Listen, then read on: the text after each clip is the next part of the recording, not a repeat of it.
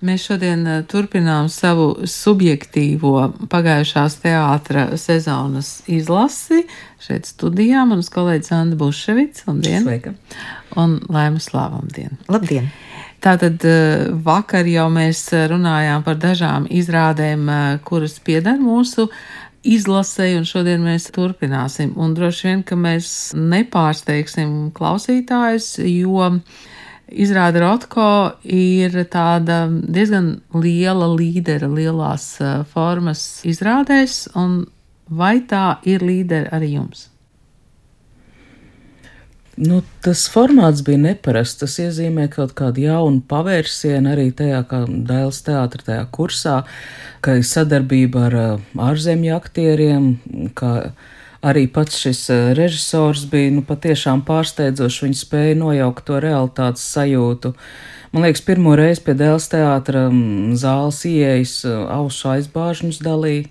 Arī tas jāatzīmē. Tas bija tiešām pārsteidzoši. Jā, mēs, man liekas, bijām pieraduši pie video izmantošanas teātra valodā un izrādēs, bet um, šis iestudējums paplašināja to mūsu sajūtu. Es domāju, ka izrāde sniedza brīnišķīgu tādu, vienkārši tādu eksistences sajūtu, tajā pat laikā nepazaudējot uh, šo saturu, šo jēgu, par ko stāsta izrāde un notikums, kas ir balstīts tiešām patiesā notikumā. Jā, nu, bet eh, nevajadzētu iedomāties, ka izrāda ir par Marku Rotko. Nu, viņš tur, protams, arī ir, bet eh, drīzāk tās ir attiecības starp eh, mākslu un viltojumiem un tirgu un arī mūsu attieksmi pret vērtībām. Bet man pēc izrādes bija tāda sajūta, un ko tālāk? Jo tās tehnoloģijas, to tehnoloģiju izmantojums jau bija tādā pakāpē, ka gandrīz vai bija sajūta, nu ko tad vēl var izdarīt. Nu, var atgriezties atkal. Mārķis Čimēl, man liekas, savulaik pierādīja, ka vecais, labais, dramaturģijā balstītais teātris var savaldzināt um, skatītājus. Telpā, ja? Bet ne, katrā ziņā šis režisors atrada viņu vārdu Lukašs uh, Tvarkovskis, un man liekas, ka šis uzvārds jāatcerās. Nu, tas ir kaut kas pārsteidzošs tiešām. Tas ir pārsteidzoši, lai gan pati neesmu redzējusi, jo Lukas Tvarkovskis eh, vispirms eh, jāatzīst, iestudēja pie mums kaimiņos Viļņā un izrāda Republika, un es eh, palasīju, ko kritiķa Anna Andersoni par to saka, un tātad šī Republika jau viņu ieveda tajā Tvarkovska pasaulē, izrāda ilgus sešas stundas, un Āna tomēr arī par šo Rotko nebūtu nav vīlusies, gluži pretēji, tas ir atkal tāds liels turpinājums. Es domāju, ka arī mums ir vērts varbūt pasakot šī režisora citām. Tātad vārds, kur noteikti ir vērts atcerēties. Vai tu laima arī ar viņu runāji? Nē, diemžēl nē. Tas, ko mēs dzirdēsim, tas ir ieraksts no tikšanās ar žurnālistiem. Lukas Tvarkovskis. Like I would just say that, like thinking about this production and the situation Attiecībā uz Ukrainas notikumiem ir skaidri redzams, no kurienes pasaulē nāk ļaunums. Savukārt mūsu izrāde ir vērsta uz mūsdienu situācijas sarežģītību. Mēs izrādē uzdodam jautājumus par mākslas lomu mūsdienās, par mākslas un tirgus attiecībām, par mākslu digitālajā pasaulē. Rast viennozīmīgas atbildes uz šiem jautājumiem ir ļoti sarežģīti, jo mēs šobrīd dzīvojam tādā postpatiesību pasaulē, kur nekas nav pilnīgi skaidrs, nekas nav balts vai melns. Tehnoloģijas mums visapkārt mainās zibenīgā ātrumā, bet mēs kā cilvēciskas būtnes neesam gatavas tāda ātruma un rakstura revolūcijai. Un viens no rezultātiem ir arī tas, kas šobrīd notiek pasaulē. Un skatītāji, ejot ārā no šīs izrādes, eh, es nezinu, cik daudz lietoja tos eh, ausu aizbāžņus, bet eh, es esmu dzirdējusi arī viedokli, ka tas viss bija par skaļu, tā visa bija par daudz, tas viss nojauca to dabisko telpu. Kādi jums bija skatītāji blakus? Pirmkārt, es biju aizgājuši uz šo izrādi pilnīgi nesagatavotu. Es nebiju iedziļinājusies, ko man liks priekšā, un man sajūsma auga ar katru acu mirkli. Un jā, skatītāja viedokļi šķiet, Tā ir vispār problēma. Mēs runājam par šo izrādi, bet tas bija tik sen, ka es labprāt slavētu atsevišķu aktieru spēli, bet tas vairs nav tādā aktīvā atmiņā. Un varbūt, es domāju, mēs tagad arī tricinām gaisu runājam par šīm izrādēm, kuras, diemžēl, daudz nav redzējuši. Vienkārši, lai pamudinātu nopirkt biļetes, riskēt un varbūt aiziet uz kādu šīs sezonas izrādi.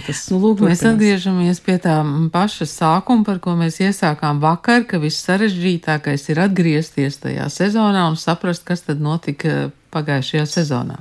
Jā, tieši tā, tādēļ, ka tas, kas notiek tagad, ir pārklājis to sajūtu un arī to emociju, bet ja tu jautā par to skatītāju klātbūtnes reakciju, tad arī tajā reizē, kad es skatījos, mans blakus sēdētājs kopā ar savu pusaugu meitu otrajā cēlienā vairs neatgriezās. Tā kā mēs neesam nu, visi vienā domā un visi tagad uh, sajūsmināti, bet tomēr tas, ka šī izrāde ir ļoti liels notikums, nu, tas, manuprāt, ir jāatzīst.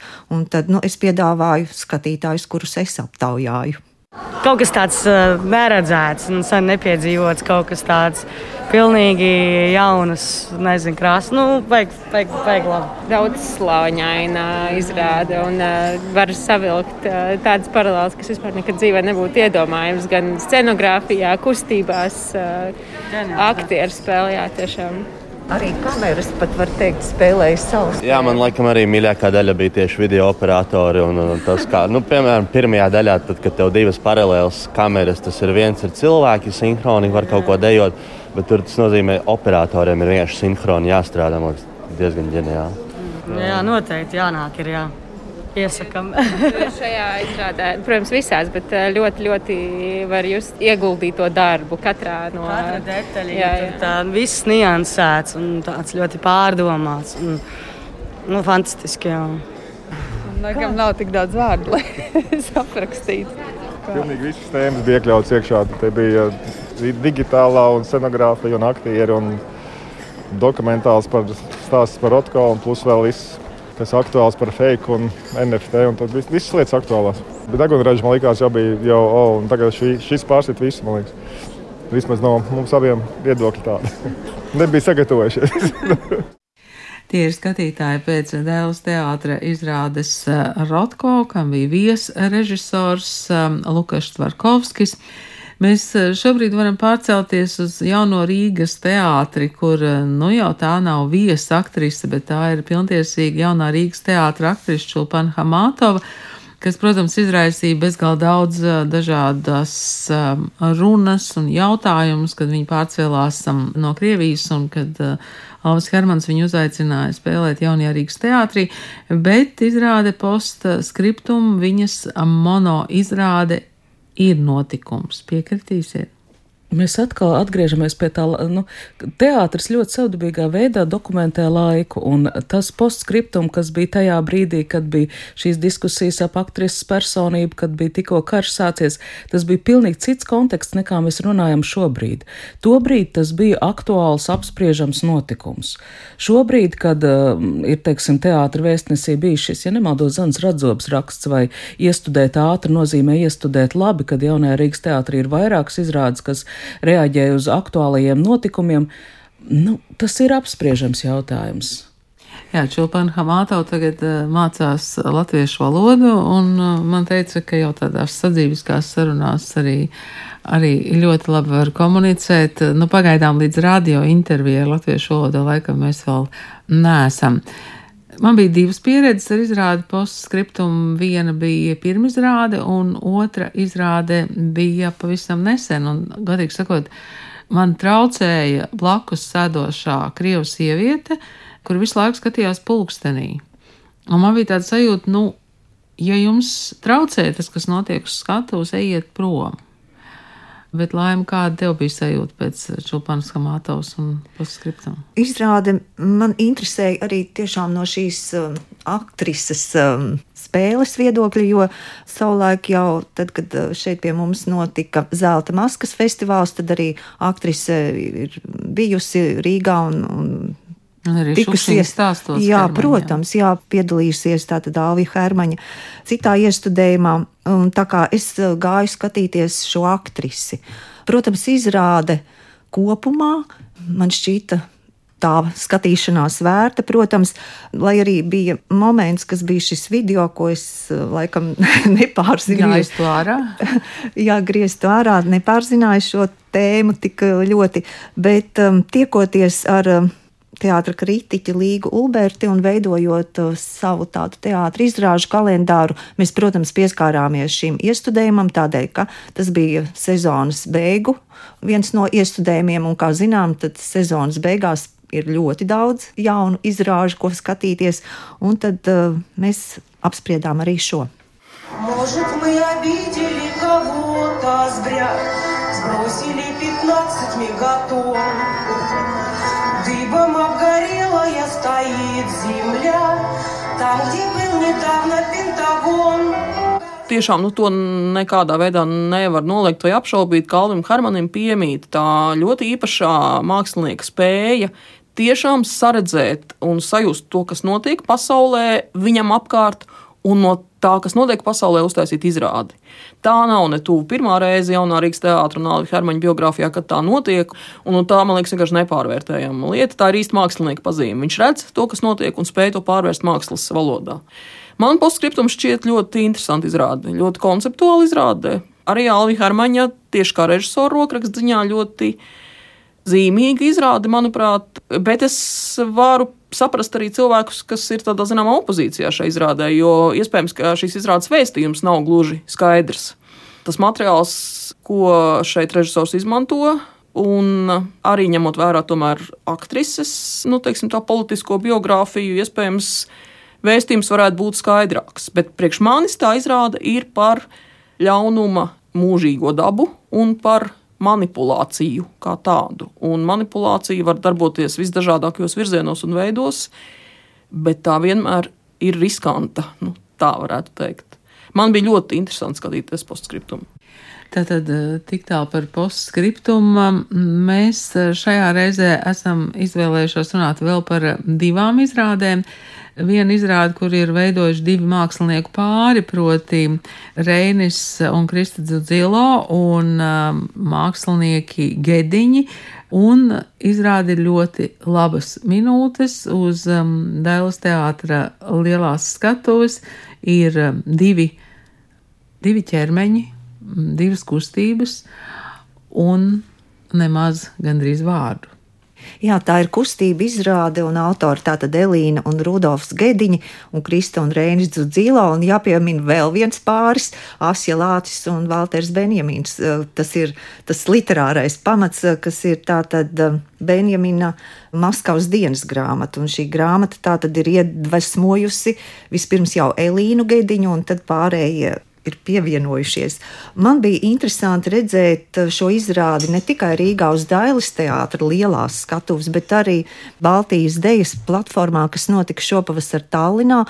Un, uh, mazliet satraukta to gaidīju, jo dažkārt ar tādu mm, patīkamu piedzīvojumu šķiet ir riskanti to vēlreiz skatīties, jo varbūt nebūs tik labi, kā bija, bet bija. Un jāteic, arī šī izrāde prasa savu noteiktu telpu, un to nevar rādīt kurā katrā nelielā spēles laukumā. Tad Tallinā tāda vieta bija atrasta, liela skatuve bija, un izrāde bija tiešām lieliska. Tātad ļoti labas minūtes. Jā, ļoti labas minūtes eh, kopā ar izrādes veidotājiem. Mēs diezgan ilgu laiku pavadījām tādā kā teorijas posmā, tiešām meklējot katrs eh, atsevišķi sev tajā grāmatā viss nu, šķietami trāpīgākos tieši mūsu sajūtās, tās situācijas vai tekstē formulējumus.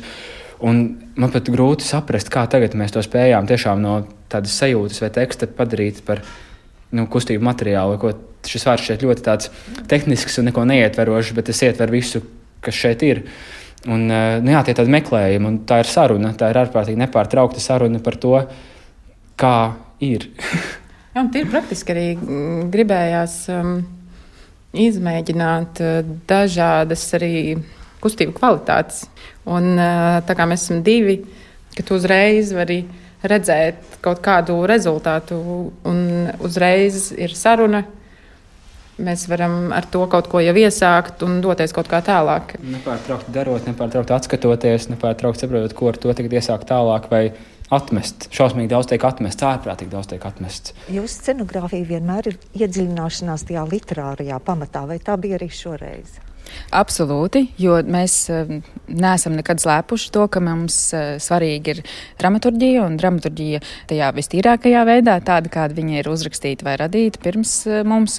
Un šajā gadījumā Elīna un Rūdis bija pārliecināti, ka viņi nevēlas laust mūs, vienlaicīgi negribot pazaudēt sevi, un viņi izveidoja savu horeogrāfijas dramaturgiju pirms mūs uzaicināja. Un mēs tikām jau pie tāda tīra dimanta uzreiz. Jā, un tad, tad sākās tā interpretācija, ieaicinot eh, citus, kas būtu priekšmetiskais personāžs. Tas būtu viens. Un, eh, un otrs, protams, ne mēs mēģinājām izbeigt, bet uh, Valtera Benjamina Maskavas dienas grāmata. Un viņa apraksti, gan aprakstot pilsētu, gan aprakstot dienā satikšanos ar Annu, jeb Asju. Jā, tas, tas arī tur ir, ir, ir klātsošs. Tīri sadzīviskā ziņā, interpretācijā, kas, protams, salauž sadzīvi. Un, eh, un mūsuprāt, arī filozofijas un valodas ziņā, kurā šis rēvus radās. Arī divām valodām satiekoties un izveidojot kaut ko saprotamu, bet tik ļoti jautājošu un nesaprotamu reizē. Ļoti labas minūtes un šīs izrādes veidotāji. Un um, izrāde ir ļoti vizuāla, un šogad ir arī uh, nominācija, kurā ir apvienot gan scenogrāfija, gan kostīmi, gan šis vizuālais tēls, tā arī tiek um, nosaukts. Anda, tev ir stāsts arī par um, savām sajūtām par vizuālo izrādi. Nē, tas nav stāsts, tas ir jautājums drīzāk, jo iepriekšējā reizē, kad um, teātris zinātnē cedīts Tišheizers klātbūtnē, es mēģināju ļoti labas minūtes nosaukt Kā laime to izdarīja par kustību izrādi, es saņēmu aizrādījumu, ka nē, ka tā ir vizuālā tēla. Vizuālā tēla izrāde šķiet tā bija šis formulējums. Man ļoti interesē, lai teātra zinātnieki arī paskaidrot, ja viņi ir izveidojuši šādu formulējumu. Es saprotu, ka pat viena no nominācijām tā tagad saucās. Jā, gada vizuālā tēla autors. Tad ar ko tas atšķirās, teiksim, no choreogrāfijas vai, vai kustību izrādes? Es saprotu, ka runa ir par to, ka tur ir dramaturģija, kas, teiksim, kustību izrādē nav tik obligāti ļoti spēcīga, tātad šis scenogrāfa klātbūtne.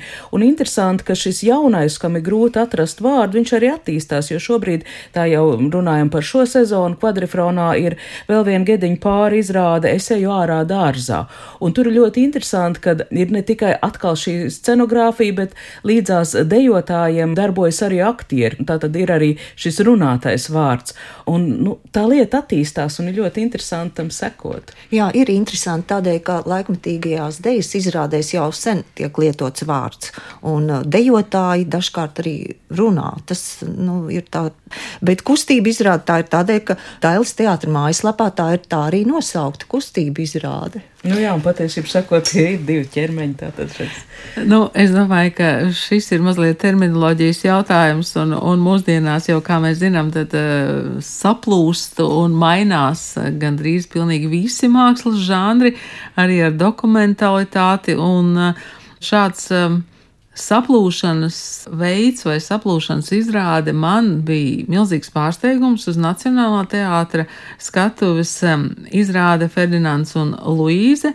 Režisore ir Dita Lūriņa, un man šķita, ka tur gandrīz neiespējamo ir izdarījusi Zana Dombrovska, kura ir radījusi īpašu mūzikas celiņu.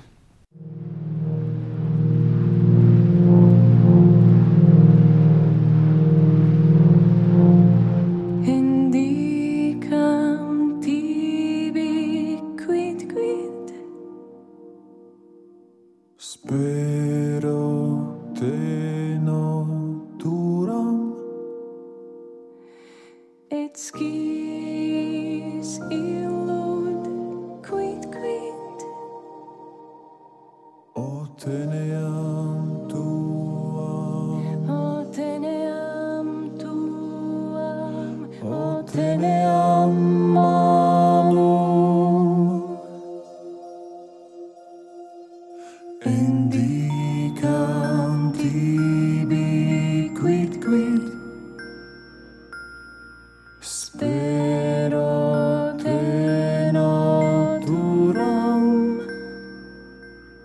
It's key.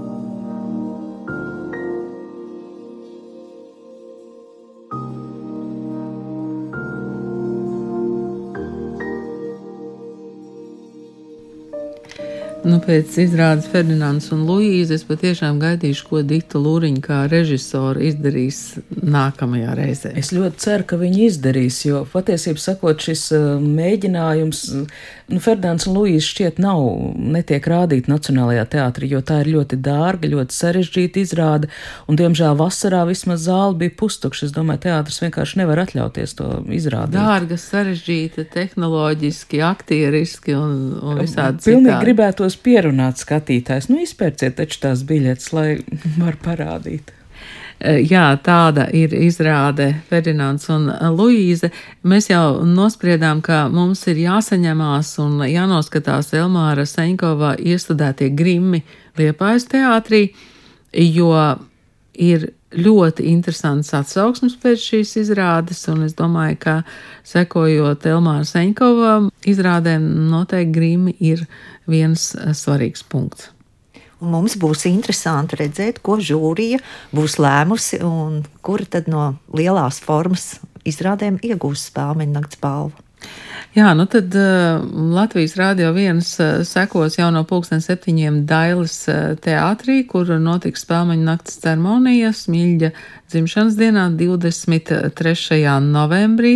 Nu tad uh, visi mēs varēsim salīdzināt ar žūrijas lēmumiem un, protams, Anda, sekojot tevis teiktajam, skatītāja interese var pieaugt arī pēc spēļu naktas ceremonijas. Tā mēdz notikt. Es ļoti ceru, jo man tiešām žēl, bet šajā sezonā ir vairākas izrādes, kas ir tik nedaudz.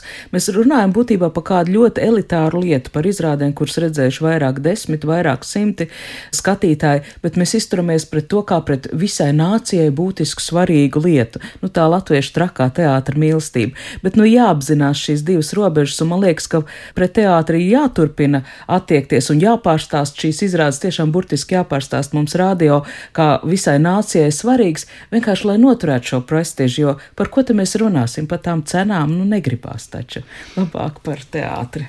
Tātad paldies jums par eh, šīs dienas eh, sarunu un arī par to, ko mēs runājām pirmdien. Laimas Lava un Anda Buševica un Ingvilda Strautman. Mēs bijām šeit eh, studijā.